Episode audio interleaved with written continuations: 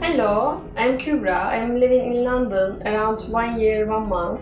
And I'm painter. I'm doing art in my studio. And also I am PhD student.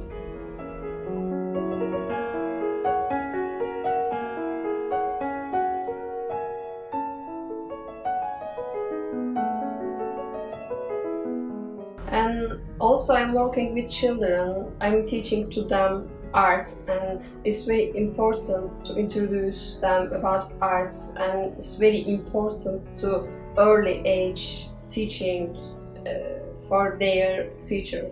And i'm working with them in uh, park and museums and there are a lot of places in in london. That's why we are so happy